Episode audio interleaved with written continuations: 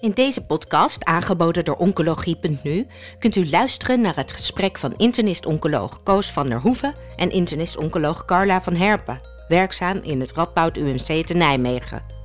Aan bod komen de laatste ontwikkelingen met betrekking tot de behandeling van hoofd-halstumoren, gepresenteerd tijdens ASCO 2021 Virtual. ASCO 2021, hoofd-halstumoren. Daarover ga ik spreken met professor Carla van Herpen. Haar aandachtsgebied is uh, hoofd-halscarcinoom, maar zij is ook verantwoordelijk voor de fase 1-studies in het Radboud UMC. En we hebben toch het nodig hierover te bespreken. Carla, welkom. Als we het over hoofdhalstumoren hebben, dat, dat zien we niet zoveel besproken op de ESCO. Of althans, dat is mijn gevoel. Is dat zo? Zijn er andere plekken waar daar meer nieuws over naar buiten komt? Ja, goedemorgen Koos. Uh, dat is een goede vraag. Uh, nee, eigenlijk is het niet zo dat we uh, binnen de hoofdhalsoncologie echt andere plaatsen hebben. De meeste grote studies en doorbraken worden toch eigenlijk op de ESCO en op de ESMO gepresenteerd. Um, en we hebben niet echt binnen de hoofdhalsoncologie echt hele grote congressen waar dan echt fase 3 data gepresenteerd worden. Ja, dus dit is wel een belangrijk congres, ook voor deze tumorsoort. Waren er practice-changing presentaties dit jaar bij de ASCO? Nee, dat kan ik heel uh, simpel uh, beantwoorden met een nee, helaas. Uh, die waren er niet. Ehm, was er nieuws? Ja, natuurlijk is er nieuws. Uh, en sommige studies waren uh, nog een te korte follow-up om, um, om echt iets goeds te kunnen zeggen over de overleving. dus daar is een langere follow-up voor nodig. Dus misschien volgend jaar of het jaar daarna dat de fase 3's die nu gebracht worden dan positief zijn voor overall survival. En dan kan het wel practice changing zijn. Okay, maar goed, op dit dan, moment niet. Dan gaan we toch maar focussen op een aantal onderwerpen. Voor alle tumoren is immunotherapie een hot item. Nog even wat is de status van immunotherapie met de checkpoint-remmers in Nederland voor de hoofdhalstumoren? Um, nou, dat is eigenlijk heel simpel. Eh, als je het hebt over de hoofdhalstumoren, dan hebben we twee uh, immunotherapeutica. We hebben twee checkpoint inhibitors. We hebben nivolumab en pembrolizumab. Um, en die zijn geregistreerd in een iets andere situatie. Ze zijn geregistreerd bij het plaveisselcelcarcinoom uh, met een recidief of metastase van het plaveisselcarcinoom van de mondholte, de oropharynx, hypopharynx of larynx. En uh, dan hebben we eerst de Checkmate 141 studie gehad. En daar heeft de commissie BOM in 2018 goedkeuring voor gegeven. En dat is voor patiënten die binnen zes maanden na chemoradiotherapie, waar een platinumbevattend middel in heeft gezeten, een recidief of metastase krijgen. En dan is er een uh, tweede middel, dat is uh, pembrolizumab. En dat heeft de commissie BOM in 2020 goedgekeurd op basis van data van de Keynote 48-studie. Dat was een driearmige studie, waarin in de drie armen of pembrolizumab alleen, of pembro met chemotherapie, of uh, uh, het zogenaamde extreem schema gegeven werd. En het extreem schema is cisplatin, 5FU en cetuximab. En uh, op basis van de CPS heeft um, analyse plaatsgevonden en de commissie BOM ook de registratie gedaan een CPS van kleiner dan 1, dat is de combined PDL1 score, daarbij is immuuntherapie niet effectief en kan pembrolizumab niet gegeven worden. Uh, en dit is trouwens overigens voor patiënten die na zes maanden een recidief of gemetastaseerde ziekte krijgen, uh, dat nog als toevoeging. Maar bij een CPS meer dan 20 kunnen patiënten pembrolizumab alleen krijgen. En bij een score tussen de 1 en 20 kunnen ze behandeld worden met pembrolizumab in combinatie met chemotherapie. Als toevoeging, dat heeft de commissie BOM eigenlijk niet goedgekeurd. Maar wat doen we in het veld? Wat we zien, ook in die studie namelijk, als patiënten een lokaal recidief hebben, ook al hebben ze een hoge CPS-score, dan zijn wij toch geneigd om en de pembro met chemotherapie te geven, omdat het lijkt dat patiënten met een lokaal recidief, als ze dat ook hebben of alleen hebben, ook al hebben ze een hoge CPS, het minder goed doen als ze alleen pembro krijgen. Dus vaak geven we dan pembro met chemotherapie. Dat is misschien eh, een mooi overstapje naar de inductietherapie, de neoadjuvante therapie. Je sprak nu over patiënten met recurrence. Maar bij bijna alle tumorsoorten zie je dat uh, die immunotherapie nu ook in een soort preoperatieve setting gebruikt wordt. bij deze ASCO waren twee presentaties over immunotherapie voorafgaande aan lokale behandeling. Zou je daar een toelichting op willen geven? Ja, tuurlijk. Dat waren wat uh, verschillende abstracts. De eerste was van, uh, van Weiss en dat was echt neoadjuvant voor een operatie. Um, en zij gaven één tot drie weken voor een resectie bij patiënten met een high risk of intermediate risk hoofd-halscarcinoom. En dan moet je denken dat je van tevoren al weet dat de resectieranden niet vrij zullen zijn, of dat er extranodale groei is, uh, of dat er intermediate risicofactoren zijn. Die zijn wat minder duidelijk dan die high risk factoren. Maar dan gaven ze pembrolizumab één keer vooraf aan de operatie. Het eindpunt in die studie was disease-free survival, wat natuurlijk toch wel ingewikkeld is, omdat het een hele gemengde groep is die ze includeren. En daarnaast was een secundair eindpunt dat ze keken naar het effect in het operatiepreparaat. En dan spraken ze over geen partiële respons of een belangrijke partiële respons of echt een, indrukwekkende partiële respons. Nou, ze hebben 92 patiënten geïncludeerd. Uiteindelijk, want na die operatie, dat vergeet ik nog te zeggen, gingen die patiënten adjuvant door met pembrolizumab. Um, en wat ze zagen was dat de éénjaars disease-free survival in de hoge risicogroep 67% was en in de intermediate groep 93%. Ja, en wat zegt dat nou? Nou, dat is heel moeilijk te plaatsen, omdat het natuurlijk niet vergeleken wordt. Bij hoofd-halscarcinoom hebben we altijd de oropharynxcarcinomen, de HPV-positieve, die hebben een veel betere prognose. Die zaten in deze studie heel weinig in, maar dat vertroebelt het beeld.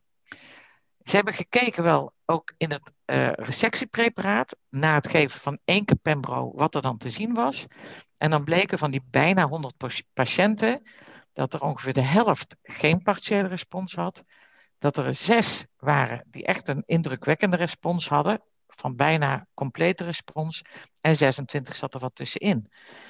En dat was afhankelijk van de CPS-score, wat natuurlijk weer niet zo, zo bijzonder is. Of, of um, ja, niet verbazingwekkend, om het zo maar te zeggen. Er was maar één kuur Pembro gegeven. Voor er was maar één kuur Pembro gegeven. En er waren ook data op de ESCO dat het misschien wel belangrijk is om twee kuren te geven. Ja. Um, en er zijn ook wel data van neoadjuvant. Dat was nu niet op deze ESCO. Maar als je IP-niveau vooraf geeft, uh, dat je dan misschien wel, dus de combinatie, wel meer uh, pathologische complete responsen krijgt. Dus Misschien um, we zo moeten samenvatten dat, dat daar werkzaamheid lijkt, maar precies. dat, uh, dat het allemaal nog een klein beetje uh, nou, niet rijp en rijp door elkaar heen is. En dat dat nog een klein beetje moet uitkristalliseren voordat we daarop verder gaan. Maar dat het zeker een onderwerp is wat verder geïnventariseerd moet worden. Ja, dat ik denk wil ik dan ook. nog even praten over de, over de, de IP en niveau, je noemde het al. Maar dat is bij het salivary duct carcinoom toegepast. Daar was een presentatie over bij de ASCO. Wat kan je Ja, dat klopt. Um, nou, dat is een beetje lastig, hè, want het uh, speekselkliercarcinoom, dat weet iedereen wel. Er zijn 22 histologieën en in deze fase 2 zaten en patiënten met het ACC, adenoïd cysteus carcinoom. Die, die data werden niet gepresenteerd. En de data werden gepresenteerd niet alleen van salivary duct, wat een van die andere 21 is, maar van een combinatie van alle niet-ACC-patiënten. Uh, en daarbij bleek dat met het geven van IP-niveau, de combinatie, maar wat de histologieën waren, dat is mij niet helemaal duidelijk geworden. Uh, dat vijf van de 32 patiënten een partiële respons lieten zien. Met wel een indrukwekkende afname van soms van de target lesions tussen de 66 en 100 procent. Wat natuurlijk toch wel heel indrukwekkend is. En ook wel een langdurende aanhoudende respons van uh, tussen de 16 en meer dan 30 maanden. Dus ik denk dat daar de conclusie van is dat IP-niveau, dit zijn echt de beste data die we hebben in speekselklierkanker tot nu toe. We moeten weten wat zijn de histologieën, waarom doen deze patiënten het zo goed. Maar misschien zit daar dus muziek in voor immunotherapie bij de speekselkliercarcinomen. Maar hoe precies, ja, daar zullen we meer studies voor moeten doen. Dat is ook wel een moeilijke situatie, want als je daar rijpe data voor wil krijgen, dan moet je jaren op wachten. Het is maar een klein groepje patiënten dat er is, die er ook wel baat van zou kunnen hebben. Ja, maar ik denk dat dat toch wel meevalt. In Nederland hebben wij zo'n, ik denk per jaar 100 nieuwe recurrent metastatic speekselkliercarcinoompatiënten. Waarvan een groot deel duct carcinoompatiënten zijn. En een deel natuurlijk adenoïd kisteus carcinoompatiënten. Maar we kunnen daar wel degelijk studies mee doen. En ook in Nederland. Oké, wordt vervolgd. Ik wilde een overstap met je maken naar het nasopharynxcarcinoom, want daar was uh, veel aandacht voor tijdens deze ASCO. Uh, daar zijn opvallend veel Aziatische sprekers over dit onderwerp. Hoe komt dat? Ja, eigenlijk alleen maar omdat het, uh, ja, zoals denk ik wel iedereen weet, het nasopharynxcarcinoom, je hebt drie types histologie. Je hebt de patiënten met de EBV-gerelateerde ongedifferentieerde carcinomen. Je hebt de gewone plaveisselcarcinomen die we ook in de rest van het hoofdhalsgebied zien. En je hebt een tussenvorm. En die eerste vorm, die EBV-geassocieerde uh, uh, ongedifferentieerde nasopharynxcarcinomen, ja, die worden heel veel in Azië gezien, ook in het Middellandse zeegebied. Um, dat zie je ook in de studies. In de meeste studies is 99% van het ongedifferentieerde EBV-geassocieerde type. En als je nou kijkt in Nederland en in Amerika, is minder dan de helft van dit type. Dus het is wel heel goed. Uh, je vraag is waarom Aziatische sprekers? Nou, daarom, want de incidentie is daar vele malen hoger dan uh, in Nederland. Um, de incidentie is volgens mij 3 per 100.000 mensen. En in Nederland is dat uh, echt onder de 1. Ja. ver onder de 1. Ja, en daar doen ze heel veel studies. Dus er zijn. En al die studies die werden gepresenteerd. Dus het was een beetje de ESCO van de nasopharynxcarcinomen. Oké, en dan waren er twee presentaties over um, adjuvante behandeling met capecitabine na uh, lokale behandeling met chemoradiotherapie. En sommigen die hadden ook nog voorafgaand aan de chemoradiotherapie behandeling gehad. En dat ging dus over capecitabine. Eén was er van Ma en die gebruikte een, lage dosis capecitabine. En één was er van Ying Ying Miao en die gaf de gebruikelijke dosering capecitabine. Uh, wat kan je zeggen over het eh, effect daarvan? Nou, deze studies leken wel op elkaar. Uh, de ene studie was wat groter. De ene studie had ruim 400 patiënten, de andere had 180 patiënten. Maar dat zijn dus grote fase 3 studies toch wel, zeker de ene. Die met die metronome lage dosering van 650 milligram capecitabine twee keer daags. die liet bij het primaire eindpunt, wat recurrence-free survival was, um, een winst zien door het geven van capecitabine adjuvant. En die winst die was 86% uh, eh, recurrence-free survival na drie jaar voor de patiënten die met capecitabine behandeld werden, versus 77% van de patiënten die geen capecitabine kregen. En dat was dus met een hazard ratio van 0,51. En de graad 3 tox viel heel erg mee, wat je ook verwacht bij zo'n lage dosering capecitabine. Maar de overall survival, die data zijn nog niet rijp. En daar zullen we echt op moeten wachten. Omdat we eigenlijk weten dat in deze situatie, dus bij presentatie recurrence-free survival, weten we eigenlijk niet of dat een, goede, een goed uh, primair eindpunt is. Um, dus je zult echt de over, overall survival af moeten wachten en dan daarna kijken. En die andere studie uh, van die auteur, wiens naam jij zo uh, goed uitsprak, Koos, die liet ongeveer hetzelfde zien. En dat is natuurlijk wel opmerkelijk. Um, die liet ook ongeveer 10, 15 procent verbetering zien van de failure-free survival. Dus dat zit een beetje in dezelfde range. Um, en ook daarvoor was de overall survival echt te vroeg. En wat ik wel aardig vond in die laatste studie, die ik nu net aanhaal, was dat de distant metastasis-free survival, dat die toenam naar 89% versus 80% in de uh, patiënten die uh, niet behandeld werden met capecitabine. En dat is ook wel aardig. Waarom zou je dat adjuvant doen?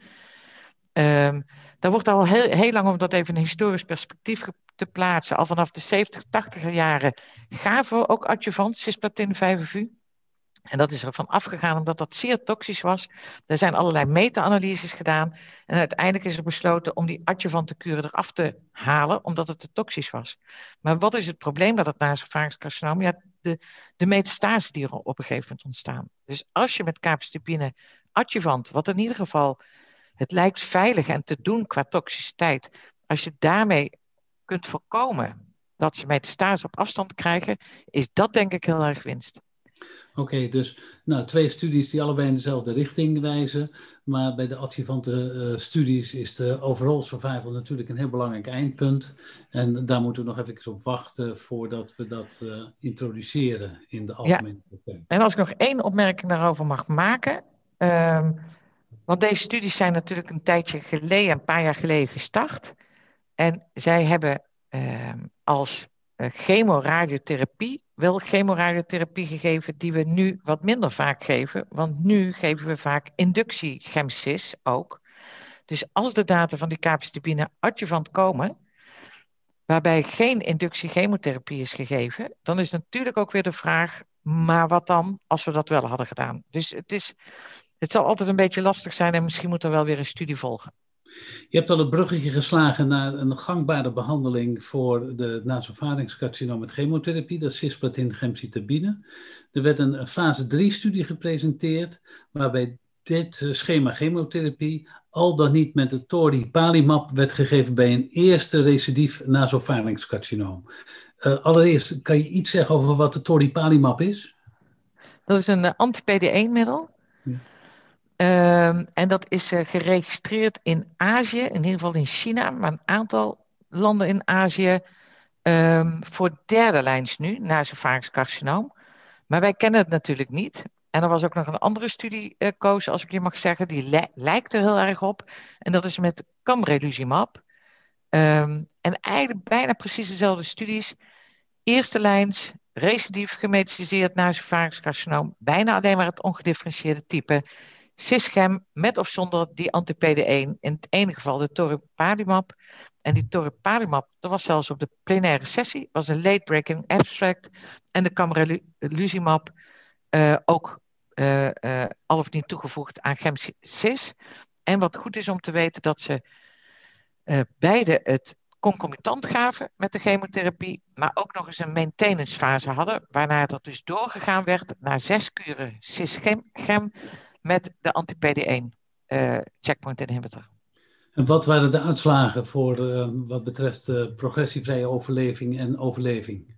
En de progressievrije overleving, die leek uh, in beide studies eigenlijk ongeveer hetzelfde toe te nemen.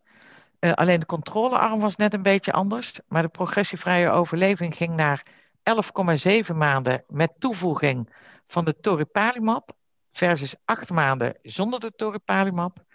Dus 11,7 versus 8. En in de camreluzimab was het 10,8 versus 6,9. Dus een maandje slechter in de um, in de controlearm. En de hazard ratio van beide ja, is rond de 0,5, tussen de 0,5 en 0,6. Um, en wat wel aardig was om te zien in die toripalimab-studie, dat eigenlijk tijdens het geven van de chemo met de toripalimab, dat dan de overall survival curves nog helemaal niet uit elkaar lopen. Maar die gingen op het moment van het starten van de, maintenance fase, of de adjuvant fase, hoe je het ook wil noemen, dan zag je het verschil eigenlijk komen in die overleving. En daar kun je natuurlijk nog allerlei vragen over hebben. En ja, ik denk dat het niet zo gek is. Het nasopharynxcarcinoom heeft een hoge PDL1-expressie in meer dan 70% van de patiënten. Het is ook nog eens virus geassocieerd, waarvan we ook kunnen denken dat het gevoeliger is voor, voor immuuntherapie. Um, maar we hebben geen positieve fase 3-studies tot nu toe. En ik denk dat van deze studies de overall survival heel erg van belang is. En als die positief is, die verschillen in overall survival, dan kan het wel eens practice changing zijn, maar niet op dit moment. Waren allebei uh, checkpoint remmers die in Europa niet beschikbaar zijn. Waren er nog studies in deze setting met, uh, met de, ons meer bekende uh, checkpoint remmers? voor het nasopharynxcarcinoom durf ik dat niet te zeggen. Er lopen een heel aantal studies. Ehm, ook met Pembro, ook met Nivo, ook met trip, eh, met dub, dubbele checkpoint uh, inhibitor. Maar ik heb niet in alle eerlijkheid alle 75 posters doorgebladerd.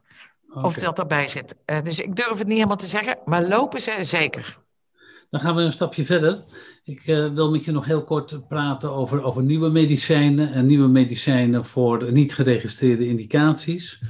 Er waren bij heel veel tumorsoorten werd er iets verteld over HER2 expressie of overexpressie en het daarbij toepassen van trastuzumab, pertuzumab. En um, ja, daar heb je ook veel ervaring mee bij het speekselkliercarcinoom. Kan je iets vertellen over wat uh, de HER2-blokkade voor invloed kan hebben op deze weinig voorkomende tumorsoort? Ja, natuurlijk. Um, net vertelden we al uh, over de 22 soorten speekselklierkanker die er zijn. En één daarvan is het cellular ductcarcinoom. En het cellular ductcarcinoom heeft twee bijzondere karakteristieken. dat de androgeenreceptor in bijna alle patiënten tot expressie komt, ook hoog, meer dan 70% expressie. En dat 30% van de patiënten met een cellular dubcarcinoom de, her, de HER2 tot uh, amplificatie heeft. En patiënten die die HER2-amplificatie hebben, die responderen zeer goed op uh, HER2-blokkade.